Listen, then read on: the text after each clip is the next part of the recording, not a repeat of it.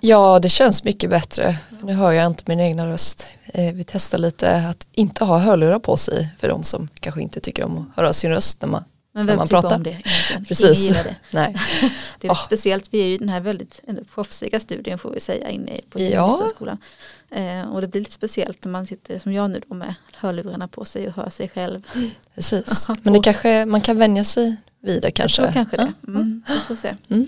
Ja, men vi ska köra idag i alla fall. Eh, och nu är det ju imorgon är det julavslut. Ja, redan. Här höstterminen har bara försvunnit iväg. Nej, det har gått så fort.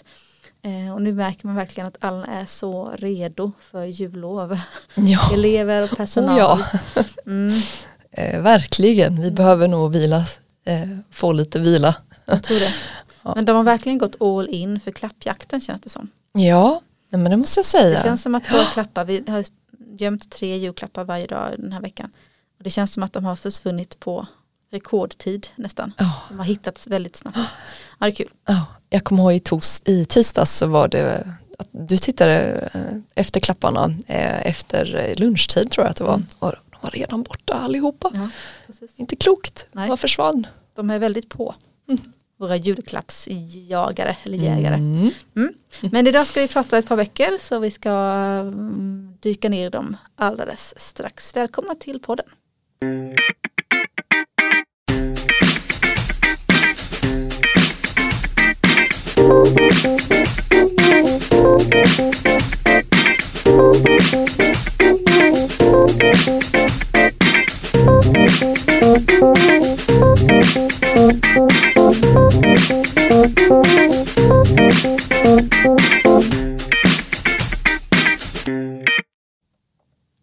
Ska börja idag? Det har vi inte bestämt. Nej, Ja, eh, jag skulle kunna testa att börja. Ja men börjar du. Ja, nej, men jag, som sagt, jag har ju läst en novellsamling av Erik Andersson och eh, han är en rätt så känd översättare har jag förstått det som. Han har ju nämligen översatt eh, exempelvis Sagan om ringen eh, i början av eh, 00-talet där då. Så han gjorde en, en lite bättre översättning än den som först gjorde översättningen på eh, 60-talet där ungefär från engelska till svenska då. Eh, och jag har läst eh, hans senaste novellsamling som heter Har du försökt att stänga, stänga av och slå på den igen.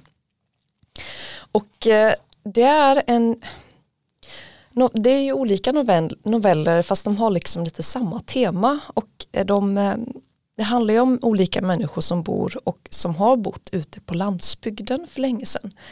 Vilket är också där det utspelar sig då. Och I varje berättelse finns det liksom något slags band till det övernaturliga. Fast inte liksom att det är som att eh, det är mer som en antydan mer som en atmosfär som finns i berättelserna än eh, som att gränsen mellan det verkliga och det fantastiska på något sätt är lite tunnare där ute på landet. Och det, för de som bor ute på landet kanske, kanske kan ha upplevt det. Eh, lite så. Och det är ju alltifrån tomtar till saker som försvinner och dyker upp på märkliga platser och nyinflyttade grannar med märkliga förmågor och men det här är liksom lite, li- vad heter det, skrock va? När man, Mm, eh, man ska inte tala om sjukdomen för då kanske den, den kommer efter dig då. Mm. Eh, och eh, ska vi se. Det är ju inte så långa noveller det är, men det är ju ett par stycken. Men eh, vad jag gillar med boken är att det sätt, eller med novellerna är att eh, alltså varje, varje novell sätter liksom igång fantasin hos läsaren och att man eh, men, tankarna först till skrock och vidskep, alltså vidskeplighet och men, påminner nästan lite om så här gamla skrönor och sägner. Eh, jag tycker dock att texten är, har en aning högre svårighetsgrad. Det är som att, eh, och jag tror att det har att göra med att det finns många olika tolkningar av berättelserna. För ofta så kände jag att, att, jag, skulle, att jag behövde läsa om vissa, Mm. vissa noveller för att verkligen få grepp om så här, vad, vad var det som hände. Mm. Det tyckte jag nog också faktiskt när jag läste den. Ja, Eh, Att det var har ju just, också jag ju läst den här. också läst Ja. den. Och det var ju för att du eh, pratade om den så jag blev så nyfiken. mm, mm, Och jag tyckte precis som du säger att det inte alltid är så självklart eh, vad det är som händer Ja. i novellerna. Eller vad här är det som är något övernaturligt eller Ja. är det det eller är det här Precis. så. Vad läser man in, vad tolkar man själv? Eh, exempelvis novellen Grannen som handlar om, eh, men då, då är det en, en, grann, en nyinflyttad man som flyttar eh, in i grannen, eller in till eh, grannhuset till de som eh, ja, man får följa då i novellen. Och eh, oftast på landet så är det ju lite så att man, man hjälper till va, med olika eh, kanske sysslor eller så. Man, man erbjuder vissa tjänster då som att skotta framför en, eh, en på en väg eller liknande då. Eh, men den här grannen han eh, han erbjuder dem en stor summa pengar för att de ska kunna skotta. Eh, och sen så Ja, nej men det, det är lite oklart om vem den här personen är och varför har han så mycket pengar. Och, eh, ja, slutet av den novellen var väl lite speciellt tyckte jag. För det liksom, där fick jag verkligen läsa om igen. Va, vad var det som hände? N- Nu häng, oj, för att det var något som bara, jag vill ju inte avslöja vad som händer men, eh, men eh, den är ju lite, eh, ja, lite kn- knepigare kanske. Men den, den allra första novellen, eh, Tomten, den var ju lite mer rakt på. Så att, Det så. aha, det här är, Och det som var kul tyckte jag med den titeln är att man kan ju säga tomten. Eller Mm. tomten. precis, tomten. Och, Och det, båda två blev ju som lite relevanta i den. Exakt, och det roliga är att eh, för i den första novellen så är det en, en, eh, man, det är en person som har köpt en tomt då ute på landet och mäklaren säger att tomten kom, får du på köpet. Och då är det så här, ska man läsa det som tomten eller tomten? Det är ju lite så. Ja, men jag gillar den jättemycket i alla fall. Eh, även om eh, ja, det var mycket olika tolkningsmöjligheter eh, inför den. Så, men jag gillar ju den typen av eh, mysticism. Och jag tänker mig att är man en sån som gillar att tänka själv och att, det inte, att man inte får alla svar utan man får själv läsa in mycket. Och om man gillar, också gillar den där typen av lite krypande Mm, nervkittlande. nervkittlande saker som att man inte riktigt vet om det ligger någonting här eller Mm. inte så. Då tänker jag att det är precis den här typen av noveller man kommer gilla. Absolut. Men kanske lite avrådande då för de som vill ha tydliga svar och Ja precis, det får man inte i den här berättelsen. då får man gå någon annanstans. Mm. Jag har ju då med mig en ungdomsbok av författaren Kristina Falk. Mm. Och hon skrev för ett par år sedan en bok som jag tyckte var rätt så bra. Eh, som heter En gång slockna alla stjärnor. Just som jag tyckte var eh, men en bra ungdomsbok. Hon skriver likadant i den här som i den förra boken så skriver hon utifrån två karaktärers perspektiv så det varvas liksom i kapitlen och det tycker jag ofta blir rätt så bra för att man får lite mer nyansering och man får två perspektiv på samma händelser eller samma situation eller samma relation. Mm.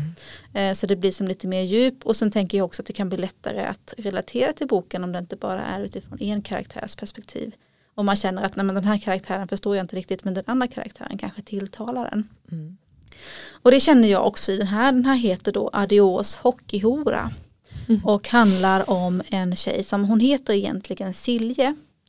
Eh, och hon tror att hon bor, eller bodde ursprungligen i Sundsvall. Men det som hände där var att på någon fest så blev hon rätt så full. Och killen hon gillar, eh, hon tog med honom in på sitt rum och de har sex ihop. Och det var inte så att han, hon ville det, men hon var rätt så full och var inte så jättemedveten om sin omgivning. Och det som händer då som hon inte inser i stunden är att någon filmar det här. Och sen läggs det ut på sociala medier och drevet är igång kan vi väl säga. Ja. Då finns det tydligen någon typ sån här liksom tävling mellan bland vissa killar då på den här gymnasieskolan att man får olika poäng eller som pengar egentligen för olika saker som man då lyckas eh, komma till olika, olika man kallar det för så här, first, second, third base och så vidare när det Mhm. gäller Mm. ehm, ehm, tjejer då i det här fallet. Mm. Um, så att det här är ju bara en, en stor ploj som hon utsätts för och det blir jättestort hat mot henne och hon kallas då för hora på alla tänkbara kanaler. Och det här leder till att hon eh, väljer att flytta. Så hon flyttar till sin pappa som bor i Örnsköldsvik och där tar hon ett nytt namn. Måste jag nästan eh, komma, påminna mig om vad det är hon tar för namn. Hon heter ju Silje. Mm. Eh, men då heter hon istället Elsa. Elsa.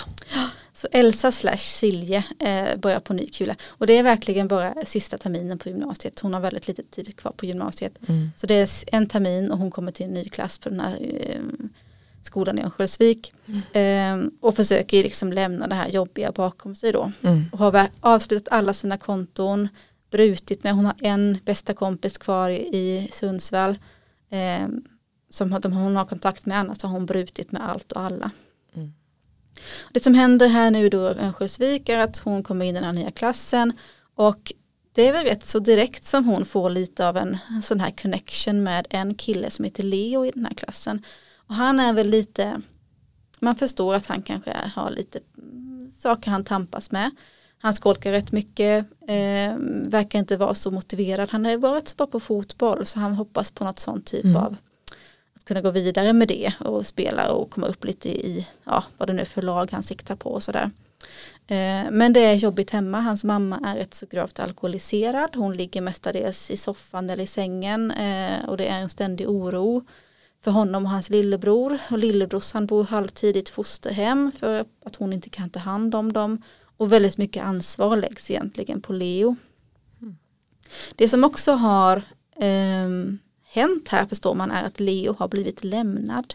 Han skickar fortfarande, han skickar som brev, ett så bittra, arga brev Okej. till sin före detta flickvän som man Mm. förstår inte är hans flickvän längre. Okej. Eh, och eh, det är liksom, ja men aha, att du, lämnade mig eller han känner sig sviken eller att det är, ja man förstår inte riktigt men han, är, han bär på en ilska och ledsen över det. Mm. Och eh, pö om pö i boken får man reda på att det här är inte riktigt vad det ser ut att vara. Det, Okej. finns, ja, det är någonting annat än det man kanske tror har hänt här. Eh, som han inte har bearbetat kan man väl säga. Mm. Och det är som med Leo att han, han har inte, han får inte så mycket utlopp för allt det jobbiga i sitt liv. Han har en kompis i klassen som han hänger mycket med. Eh, som, gud, jag glömmer ju bort vad de heter hela tiden. Men hon, hon, har också, hon får också komma in ibland med ett kapitel och ge sitt eh, perspektiv. Hon är också en sån här, ja men tjej med lite taggarna utåt. Eh, jag vet att, att när då Silje slash Elsa kommer till klassen, eh, Ines heter hon. När Silje slash Elsa kommer till klassen och som första dagen så ser hon den här tjejen som sitter vid, själv vid ett bord, sitter en stol bredvid henne som är tom och hon har så här regnbågsfärgat fint hår. Åh, Eh, och då sätter jag sätter mig där borta och det hon får är en sån här jättemörk hatisk blick liksom här, Oj. här ska du inte sätta dig.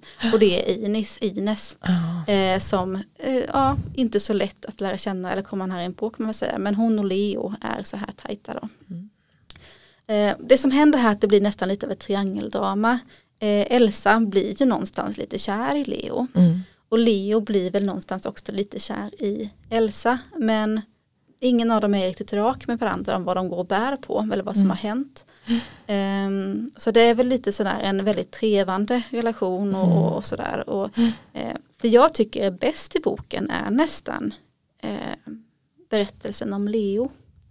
Ehm, och hur han, det tycker man ser mer av en utveckling hos honom än vad man kanske ser hos Elsa. Mm. Jag tycker inte att det är så mycket fokus på det som hände henne med den här nätmobbningen och uthängningen på nätet.